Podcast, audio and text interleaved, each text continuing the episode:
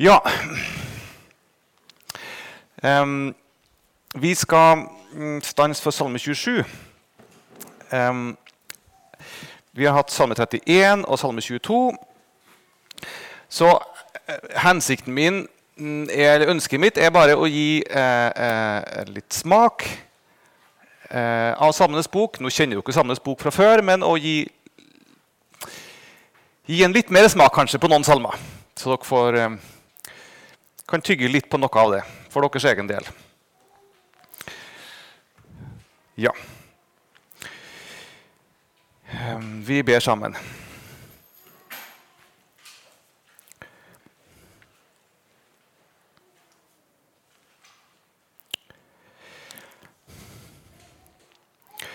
Hellige Gud og himmelske Far. Du har bedt oss om å søke deg og søke ditt ansikt og venne oss til deg og be om hjelp, om det vi trenger, om nåde, om renselse, om frelse. Du vet at vi er hjelpeløse, at, vi egentlig at vi egentlig ikke kan At vi trenger det, Herre. Noen ganger så kjenner vi oss hjelpeløse, noen ganger kjenner vi oss ganske At vi ikke trenger deg, på en måte. Men du vet at vi alltid trenger deg, hvert sekund. Men så takker jeg deg for at du har bedt oss om å søke deg, fordi du da vil komme til oss. Og nå gjør vi det igjen. Vi søker ditt ansikt. Vi vender oss mot deg. Og vi ber Herre om at du ser til oss med nåde og vennlighet og det vi trenger. For å høre, ta imot og tro på det. Amen.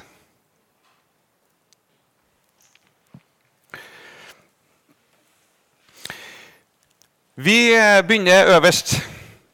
Dere som sitter der, går det, Ser dere det som står oppe her? sånn, hvis jeg står her nå? Går det fint? Og denne salmen er sånn som mange salmer er, at, to, um, at første verset er en slags introduksjon til salmen, hva salmen inneholder for noen ting. Her liksom slås tonen an. Herren er mitt lys og min frelse. Hvem skulle jeg frykte? Herren er mitt livsvern. Hvem skulle jeg engstes for? Det er temaet for salmen. Når Gud er mitt vern, når Han er mitt lys og min frelse, hvem skal jeg da frykte? Ja, for hvis Han er mitt vern, hvis Han er min frelse, hvis Han er mitt lys, hvis Gud som er på tronen, som er kongen, er mitt vern, hvem eller hva har jeg egentlig å frykte? Det, er jo en åp, det, er en, det er en logisk tanke, er vi ikke med på det? Hvis Gud som er skaper, som har all makt, er mitt vern, min frelse, mitt lys, da er det jo en enkel logikk som tilsier at det er egentlig ingenting å frykte.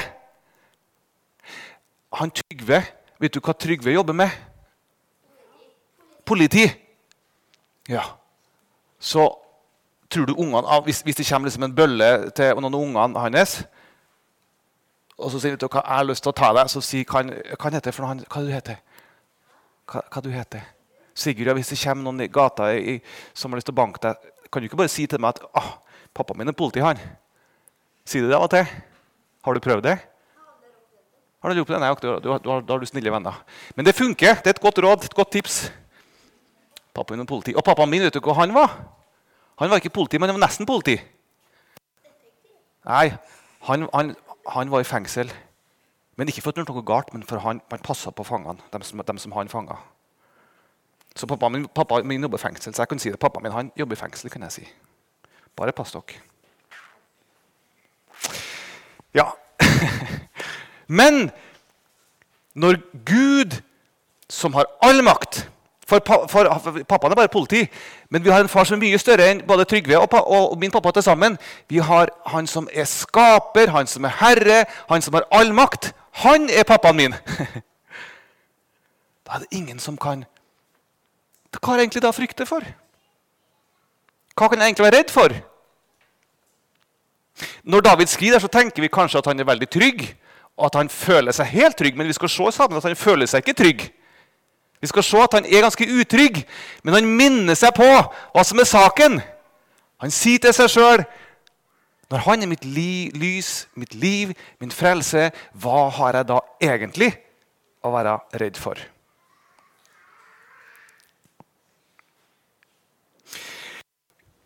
Og Det er godt for deg og meg å tenke på at David sier ikke det for han føler seg så veldig trygg. det skal vi også se, Men fordi han trenger å minne seg sjøl på det. Jeg tror ofte vi får dårlig samvittighet fordi vi ikke føler oss trygge nok. For vi ikke føler oss at vi er fredfulle nok, eller at vi ikke tror nok, eller at vi er bekymra, eller at vi er anfekta, eller at vi er tvilende. Og så føler vi på nei, men sånn skal du ikke føle. Du skal jo være trygg, du skal jo være glad. Men så er vi jo ikke det alltid. Men nå skal vi slippe å ha dårlig samvittighet for det. For sånn er vi. Og sånn var David. Men han måtte si det til seg sjøl. Måtte minne seg på det. Herren er mitt lys og min frelse. Hvem skulle jeg frykte? Herren er mitt livsvern. Hvem skulle jeg engstes for? Ugjerningsmenn kommer imot meg for å sluke meg. Mine motstandere og mine fiender, så snubler de og faller de selv. Om en hær leirer seg imot meg, frykter ikke mitt hjerte. Om krig reiser seg imot meg, enda er jeg trygg sin. Her snakker han til seg sjøl. Jaha, min pappa han er skaperen, han har all makt. Så om en hel hær kommer imot meg, så er jeg likevel trygg. Fordi om de kommer for å sluke meg, så vil de snuble og falle sjøl sin. Vi har sagt tidligere når vi snakka om Salme 31 og ikke minst Salme 22, så har vi sagt at det David erfarer igjen og igjen i sitt liv, er at mennesker gjør ham vondt. Og vi har snakka om at han har kjempa mye med det, han har grått mye med det. Det skjer i Samenes bok. Og vi ser også i Samenes bok at han kan være veldig hard i sin språkbruk overfor Gud mot sine fiender. Vi snakker av og til om hevnsalmer, faktisk. Han bruker kraftige ord. Gud, du må, du må forbanne dem som er meg mot. Noen ganger, noen ganger er det sånn uttrykket seg. Av og til en sånn voldsom kraftig språkbruk. Her er han mer trygg, merker vi. Eller i hvert fall, han snakker i hvert fall med seg sjøl mer. Og sånn er også vårt følelsesliv. Noen ganger er vi trygge, noen ganger er vi utrygge. Noen ganger er vi redd, fryktsom, og det gjenspeiles i, i, i Davids sine, sine, kamper og i Davids sine salmer. Også i møte med fiender. Men her skal vi merke oss noe viktig. Når David raser overfor sine fiender til Gud, raser han da i møte med sine fiender? Hvordan opptrer David over sine, sine fiender, dem som gjør ham vondt?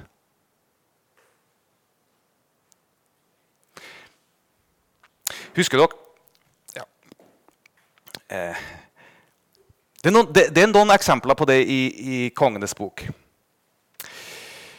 Saul var ute etter han for å ta livet av ham. En gang eller Saul var på, eh, David var på flukt eh, og hadde med seg en flokk med soldater. Han, han, han, han samla en flokk rundt seg som var litt sånn i det var, litt, det var litt forskjellig flokk han hadde rundt seg, men en, en liten hær etter hvert. Etter hvert så ble den sto, større, men den var på rømmen for Saul, Saul som var konge. Som ville ta livet av David. Og så er det en gang så, og, og så flykter han inn i ørkenen. Og så gjemmer David seg inne i hule. Han går langt inn i hule med, sin, med, med sine menn. Og så kommer Saul, kongshæren, gående på utsida. Saul vet ikke at han er i hula. Og så står det at Saul han eh, må gå et avsides sted. Han har, han har, noe han skal gjøre for seg sjøl. Han, ja. han, skal gjøre det vi gjør når vi går på do. ja. Og så går han inn i hula. Han går, han går, akkurat inne der hvor kong David sitter, med hele sin hær. Så han altså som er på jakt etter å ta livet til David, han går nå inn i hula helt alene, helt ubeskytta. Han går inn der i hula, og så sier hærføreren til, til, til, til, Saul, nei, til, David nå, kan, nå, har Gud gitt den i din hånd. Skal du ikke bare stikke spydet gjennom den? Hva sier kong David? Nei, hva sier David? Han er ikke konge, da. Hva sier David? Han sier nei, det kan ikke jeg gjøre. For Saul er salva av Gud til å være konge. Jeg vil ikke ta livet av han. Han hadde sjansen til å ta sin forfølger og stikke spydet gjennom. Han gjorde det ikke. Og dette skjer en gang til. En senere gang så får han også muligheten. Der Saul, han som vil ta livet av en, er helt ubeskytta. Og han kan ta livet av si, han som jager, men han gjør det ikke.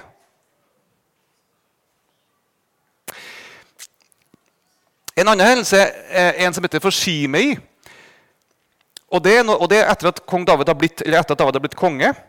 Så er det en som heter for Shimei, som kaster stein etter kongen. Og så banner han kongen. Det er jo en fornedrende ting å gjøre mot en konge. Tenk hvis jeg har gått på Slottet og så har jeg begynt å kaste stein på kongen. når jeg står oppe på 17. mai, han vinker, og så begynner jeg å kaste stein og sier du te dumme, teite kong Harald. Og så står jeg og kaster stein. Det er klart, Da har de stoppa meg med en gang soldatene. Det gjør Shimei. Og så sier hans hærfører du skal ikke bare stikke spydet gjennom Shimei. Få han bort. Og så sier David nei. Ikke gjør det. Altså, i møte med fiendene så er David, ikke, så er David fredfull. Men i møte med Gud så raser han. Da kan han komme med det skarpeste og sterkeste ord i møte med Gud. Og her lærer vi noe viktig som jeg antyda for to dager siden. Når vi overfor Gud så skal vi få lov til å si akkurat det vi kjenner på. Ikke skjule noen ting, ikke dekke over noen ting, men være sann i vårt følelsesliv, også i vårt raseri. Også overfor mennesker. Når mennesker har gjort oss vondt. Vi gjør det ofte motsatt. Overfor Gud så pynter vi oss på og sier at nei da, men jeg er ikke så veldig sinna. Nei da, jeg tilgir. Ja da, jeg syns det ja. Og så er vi bitre eller harde overfor dem som har gjort oss vondt. Er det ikke sånn? David lærer oss en motsatt måte å være på. Altså for Gud, la raseriet og sinnet og fortvilelsen bare komme ut. Der hører det hjemme. Å være sann og åpen overfor Gud. Der tror jeg vi lærer noen ting. Også å vise mildhet overfor dem som har gjort oss vondt. Her er det en skole å gå, og den skolen gikk David. Om en hær leier seg mot meg, enda er jeg trygg.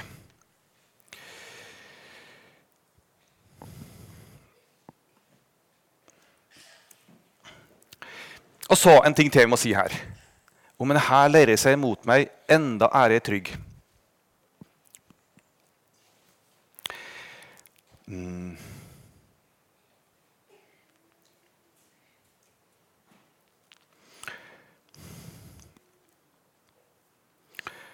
Um, hva, ja. Jeg tror dette er en, eh, jeg tror sånne vers og sånne salmer jeg tror sånne mm, salmer kan bli viktigere for oss. Eh, det er i alle fall viktig eh, for de mennesker som lever eh, i land og i kulturer og i situasjoner hvor det å høre Jesus til koster noen ting. Og koster mye. Å lære seg å legge saken over på Gud og visste at han vil føre eh, meg eh, til trygghet. Samme 37, samme 37, hele Samme 37 har det her som tematikk. Hva skal jeg gjøre i møte med, med, med dem som gjør meg vondt? Vi skal lese innledninga her. La ikke din vrede opptennes over de onde. Misunn ikke dem som gjør urett. For som gresset blir de hurtig skåret av, og som grønne vekster visner de ned. Sett din lit til Herren og gjør godt. Bo i landet og legg vind på trofasthet. Gled deg i Herren, så skal Han gi deg det ditt hjerte trakter etter. Velt din vei over på Herren og stol på ham. Han skal gjøre det. Han skal la din rettferdighet bryte fram som lyset, og din rett som lyset midt på dagen. La ikke din vrede opptennes over de onde. Misunn ikke dem som gjør urett. Når du blir utsatt for et urett, så oppleves det oppleves så blodig, urettferdig og så vondt. Og så blir vi misunnelige, og så blir vi sinte, og så stiger følelsene oppi oss. Og det er helt naturlig. Det er, helt, det, er helt, det, er helt, det er, ikke dette feil. Det er naturlig og, og, og, og følelser som er helt uh, riktig. Det er ikke det som er saken. Men her får vi vite at det finnes en vei ut av det. Veien ut av det ikke å fortrenge det her, men å si det til Gud og velte det over på Han, og samtidig minne seg på en ting. For som gresset blir de hurtig skåret av, og som grønne vekster visner de ned. Det kommer alltid en dom over urett. På Før eller senere så vil urett bli avslørt, slått ned på. Jeg, jeg var, Før vi kom hit så, og, og, og, og, det er en livslov også. Det, det er en livslov i, i menneskeheten, livslov i kristenlivet. Det vet vi. Før jeg kom hit, så var jeg sammen med mine, tre av mine gutter så var vi på en interrailtur. Vi reiste fra Baltikum og så reiste vi til Polen og til Praha, til min bror. som var der. Og så var vi innom Auschwitz. Der syns jeg alle sammen burde ha vært. Det, det tilhører eh, livsløpet har vært der en gang. Og Der var vi på et fysisk sted på jord hvor, hvor det har foregått verdenshistoriens største massakre innenfor bare noen få meter. Vi snakker altså omtrent, eh, vi snakker omtrent en million mennesker. Et maskinelt, industrielt massemord som er helt, helt ubeskrivelig. Og når jeg gikk der og tenkte over det som, det som liksom var der, og så bygningene og tenkte over hva som foregikk, så, så er jeg glad at det finnes en Gud og at en Gud som sier stopp Og Gud sier alltid stopp. Og de som var der, de vil tenke ja, men nå er det ondskapen som tar overhånd. Nå er det ondskapen som bestemmer, det er ondskapen som styrer. De som var oppi det, ville jo, ville oppleve det sånn. For ondskapen hadde makt. Men nei, det var en stopp. Det fortalte jo guiden om. Det ble en stopp. Det var det ble et punktum, og det ble en dom og det ble en oppfølging av også dem som har gjort noe galt. Ikke alle sammen, mange gikk fri, men det blir alltid en stopp. Så, jeg, så kanskje sitter noen her i salen som, som, har opplevd at nei, i mitt liv så har det ikke blitt en stopp. I mitt liv så opplever jeg at urett som er begått imot meg, det har ikke blitt retta opp. Og det er ikke sikkert vi erfarer det for vår egen del, at uretten rettes opp heller. Tenk på alle martyrer som, som, tenk på alle i dag som har mista sitt liv fordi de lever med Jesus. Lyktes de, mislyktes de? Var ikke Gud der? Hørte ikke Gud på deres bønn? Nei. Det kommer dom også for dem som ikke opplever at her i livet blir uretten retta opp. For det kommer en oppstandelse, så om ikke det her i livet blir en oppreisning, så vil det bli det en gang. Det løftet vi har. Urett vil alltid bli besvart. Om ikke her i livet, så i alle fall der framme. Det er Guds løfte. Ofte så opplever vi at det blir retta opp her i livet, men ikke alltid. Og Sånn er det med alle smerter vi lever i. Nå snakker jeg om urett fra mennesker, men sånn er det med alle smerter i livet. Vi har mange slags smerter også inne i salen her. Jeg vet ikke hva, hva deres liv, men det er mange, mange ting som en erfarer i sitt eget liv. Og man kan spørre hvorfor, hvorfor ser ikke Gud dette? Hvorfor gjør ikke Gud noe? Hvorfor griper ikke Gud inn? Han vil gripe inn før eller senere, men det er ikke sikkert. Ikke, Gud lover ikke at du erfarer at, erfarer, erfarer at Gud griper inn i dag eller i morgen. Kanskje ikke i livet heller. Men på et tidspunkt så vil det besvares. Det løftet. Men øvelsen vår, det er, det er det som er vanskelig. Det er å vente på Herren. Det er den tunge, tunge øvelsen. Å vente på Herren. Så står det til slutt der Han skal la din rettferdighet bryte fram som lyset, og den rett som lyset midt på dagen. Tenk igjen på alle martyrer, tenk på alle som blir forfulgt for Jesu navns skyld. Som kanskje ikke ser at Gud grep inn. Deres rettferdighet vil bryte fram som lyset. Tenk på den, tenk på den store dag, da. Da vil de stråle fram. Deres rettferdighet vil, vil stråle fram, og det vil lyses. Deres rett vil lyse fram. Det er løftet. Alltid. For som vi sa her tidligere Den som setter sin lit til Gud, blir aldri til skamme.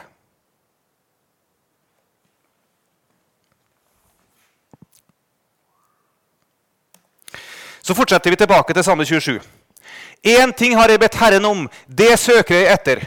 At jeg må bo i Herrens hus alle mitt livs dager for å skue Herrens skjønnhet og være i Hans tempel. Når jeg nå har skrevet kursiv, så er det fordi jeg henta vers fra 2011-oversettelsen. Så kursiv i 2011. Her sier han han har sikkert bedt om mange ting. David. Men så sier han det er én ting jeg dypest sett Når jeg skal samle all min bønn oppi liksom, i én bønn, så denne ene bønna Én ting har jeg bedt Herren om. Det søker jeg etter. At jeg må bo i Herrens hus alle mitt livs dager for å skue Herrens skjønnhet og være i Hans tempel. Det er én ting, sier David, jeg dypest sett lengter etter.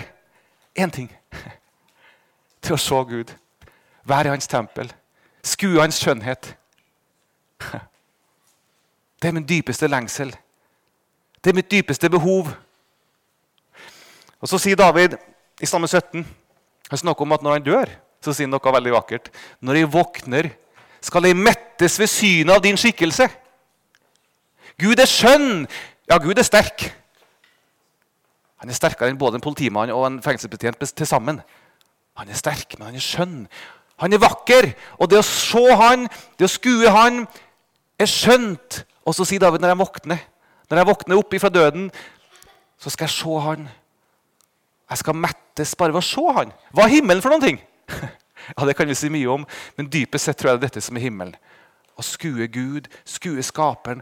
Bare se og se og mettes.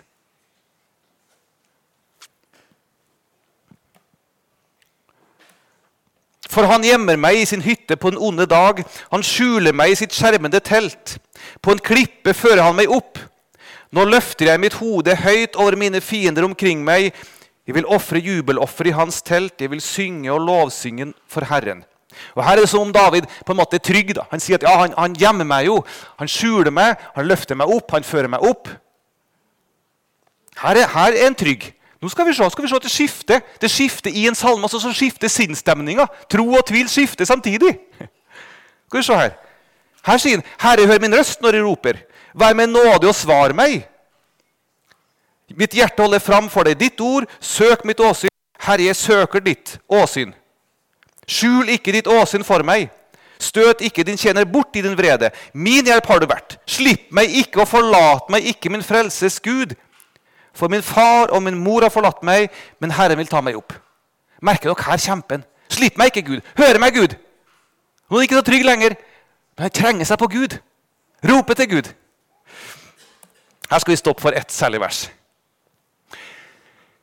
Og Her ser dere, her, her har vi det verset, eh, Nederst så er det verset i 2011-oversettelsen. Den står sånn. Nå leser jeg nederst først. Jeg minnes at du har sagt, dere skal søke mitt ansikt. Ditt ansikt søker jeg, Herre. I 88 så står det sånn Mitt hjerte holder fram for deg ditt ord. Søk mitt åsyn. Herre, jeg søker ditt åsyn. Hva er bønn for noen ting? Det kan vi formulere på mange måter. Men jeg opplever at dette verset sier hva bønn er for noen ting. Verset sier altså hjertet mitt Hjertet mitt holder fram for meg en ting. Jeg holder fram for noen ting for hjertet mitt. Hva er det jeg holder fram for hjertet mitt? Hva er det jeg sier til meg sjøl? Hva er det jeg minnes? Hva er det jeg legger på hjertet mitt? Jo, det er ditt ord. Altså klammen er det er ditt ord. Jeg holder altså fast på en ting. Det er ditt ord. Hva er ditt ord? Ditt ord er 'søk mitt åsyn'. Du har sagt altså 'søk mitt åsyn'. Dette verset, når jeg leser verset, så, så, så tenker jeg som så. Jeg ser for meg sjøl som står med en plakat. Guds, hva er Guds ord? Hva er Guds kall til meg? Hva er Guds innbydelse til meg? Hva, hva Gud ber meg om? Jo, han ber meg om å søke hans åsyn. Søk mitt åsyn, står det ikke sant? Søk mitt åsyn. Det er det Gud har bedt meg om. Søk mitt åsyn. Søk meg. Mitt hjerte holder fram for deg. Jeg ser for meg sånne. Når jeg er i nød, når jeg er i tvil, når jeg er i anfektelse, når jeg trenger Han, hva gjør jeg for noen ting da? Jo, da som jeg ser for meg, jeg holder fram en plakat for Gud. Og så sier jeg til Gud Gud, Ser du hva du har sagt? Nå minner jeg på deg hva du har sagt. Du har sagt til meg, Gud, søk mitt åsyn. Så nå holder jeg det opp framfor deg, Gud. Og så sier jeg, Gud, se her. Du har sagt at jeg skal søke deg, og nå gjør jeg det, Gud. Nå er jeg her. Det er bønn, har jeg tenkt mange ganger.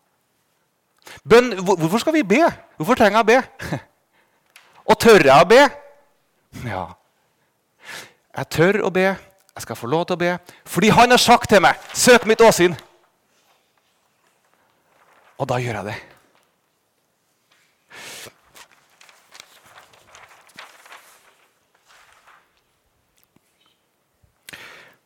Så det er altså David sier han gjør Hjertet mitt Altså, Gud, Gud, trenger jo ikke å holder plakaten framfor han, selvfølgelig. Han trenger, jo, han trenger ikke å minnes på det. Han vet jo godt hva han har sagt. Men jeg trenger å minne han på det. Jeg trenger å si til Gud Gud, det er du som bedt meg om det. Og nå søker jeg deg, nå ber jeg til deg, nå kaller jeg på deg, nå trenger jeg meg inn på deg. Fordi du har bedt meg om det, så gjør jeg det, Gud. I min nød, i min smerte, i min innfektelse, i min tvil. Jeg gjør det, Gud. Jeg søker ditt ansikt. Så bønn, da. Hva er bønn? Ja, det, jeg, jeg, tror det dypest sett handler om dette å søke Guds ansikt. Det kan jeg gjøre med ord, men det kan jeg også gjøre uten ord. Jeg kan bare gå rundt og si nå er jeg hos deg, Gud. Nå søker jeg ditt ansikt. Her og nå, her jeg sitter. Der du sitter nå, så kan du søke Guds ansikt. Her, akkurat nå. Jeg er for ditt ansikt, Gud. Jeg søker deg. Det er ikke så vanskelig. Men jeg gjør det fordi du har bedt meg om det, Gud. Ditt ansikt er her, og nå søker jeg deg. Så sier jeg det til meg sjøl. Jeg søker deg, Herre. Jeg trenger deg.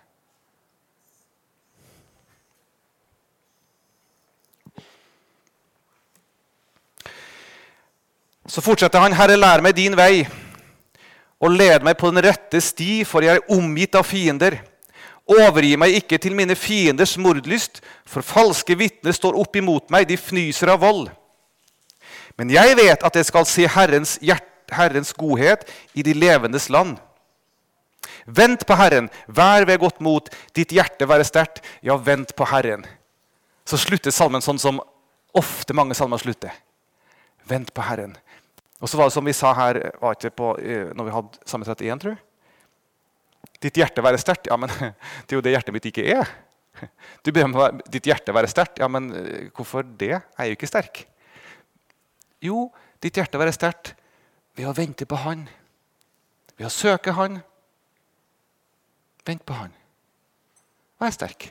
Det er en oppmuntring, altså. Jeg skal slippe jeg skal, Ditt hjerte er sterk. Det, det, er ikke et lovkrav. Ja, nå må du være sterk, og Hvis ikke du er sterk, så er du dårlig. Da har du mislyktes i troen. Det er ikke det det handler om. Det er en tilskyndelse. Det er en oppmuntring til Du kan få lov til å være sterk.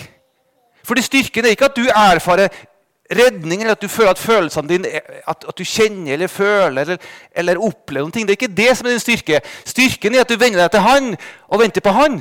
Det er styrken din. Da kan du få være frimodig og sterk. Fordi du vender blikket ditt rett sted, bort fra deg sjøl, over på Han. Da kan du få være sterk. Så en oppmuntring. Ditt hjerte være sterkt. Vent på Herren. Du har holdt på i 28 minutter. Jeg, har, jeg, jeg, kan ikke holde på så lenge nå, for jeg holdt på så lenge her en annen dag. Men jeg har lyst til å ta dere med til slutt til en perle av en salme til slutt. Den er kort. Hvis jeg, lov, hvis jeg får lov. Det er jo dumt å spørre om. det er ingen som tør si nei. Men jeg har lyst til å ta dere med til slutt på en liten perle. Får jeg lov til det? Ja, dere syns det gikk fint at jeg holdt på i 50 minutter her før en kveld. Ja. Du syns det er litt for kort? Hører dere det? Litt for kort. Skal jeg holde på en time? Nei, det lover jeg ikke. Men jeg bare lyst til å ta med dere på én kort salme til. Nettopp på det her, det å søke Guds ansikt. Det å vente på Herren. Det å søke blikket mot Han. Hva er det for noen ting? Da er det en veldig fin perle av en salme i Salme 123. Den er kort.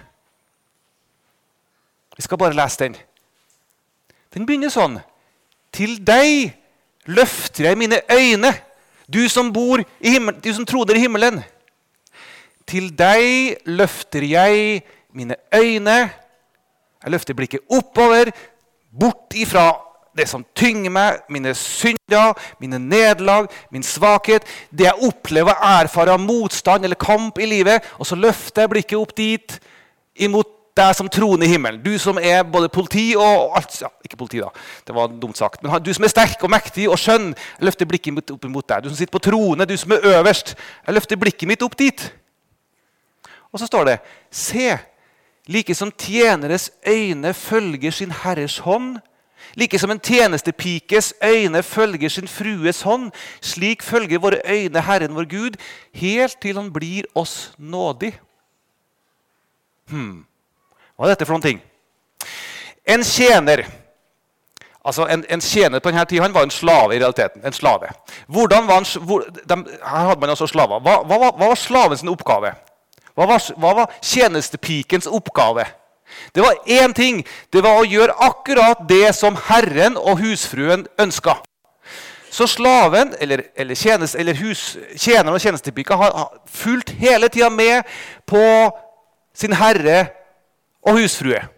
Straks herre eller husfrua pekte eller, eller, sa 'gjør sånn', så var han på pletten. Det var med en gang å gjøre akkurat det som Herren sa.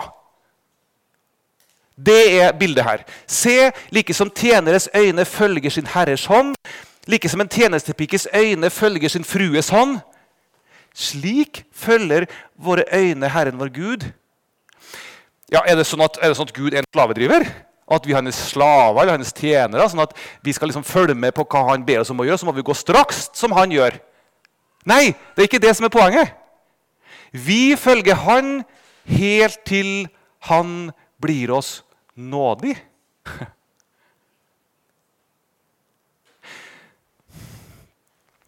Vi følger Ja?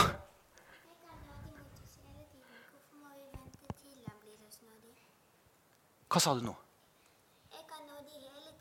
Det var et veldig godt spørsmål. Spørsmålet ditt er, spørsmålet altså var eh, er, er han ikke nådig hele tida. Hvorfor må vi vente på at han er nådig? Det var et veldig godt spørsmål. For han er jo nådig hele tida. Men det er ikke alltid jeg føler det sånn og opplever det sånn.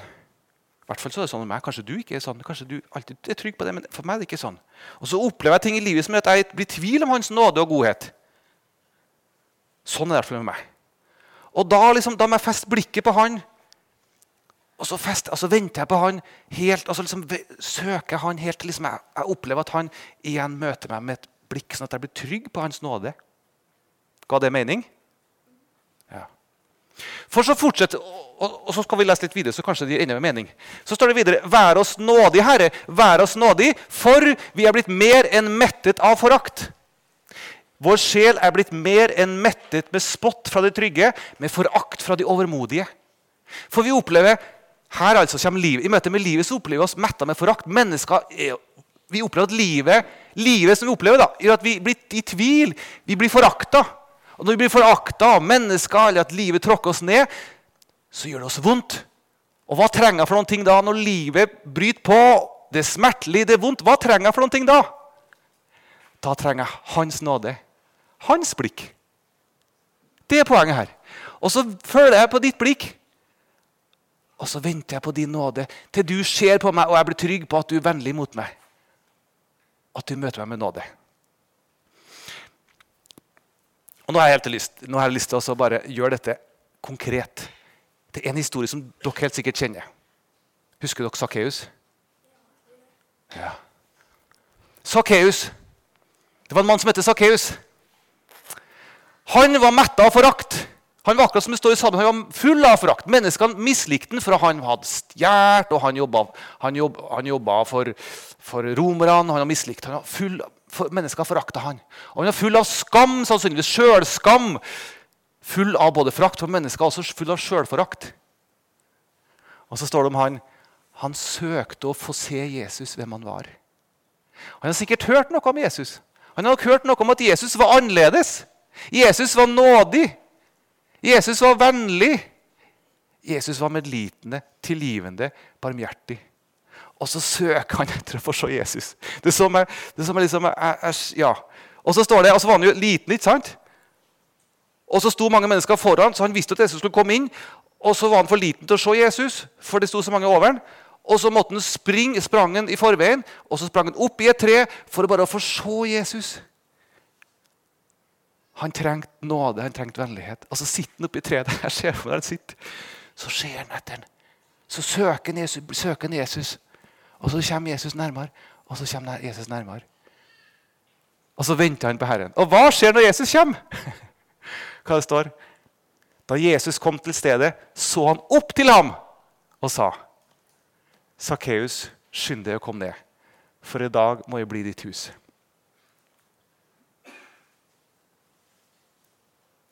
Ja, Det er et kjempegodt spørsmål. Hvorfor i verden skal vi vente på Guds nåde når han er nådig?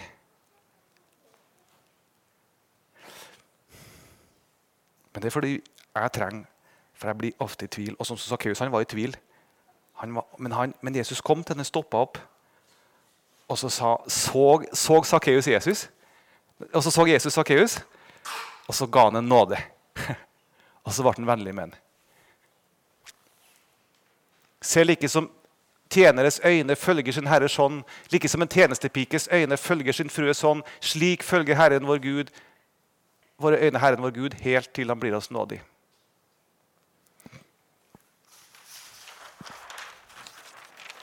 Herre, jeg holder fram for deg ditt ord. Søk mitt åsyn.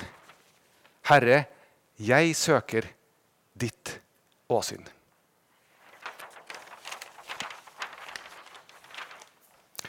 Skal vi be.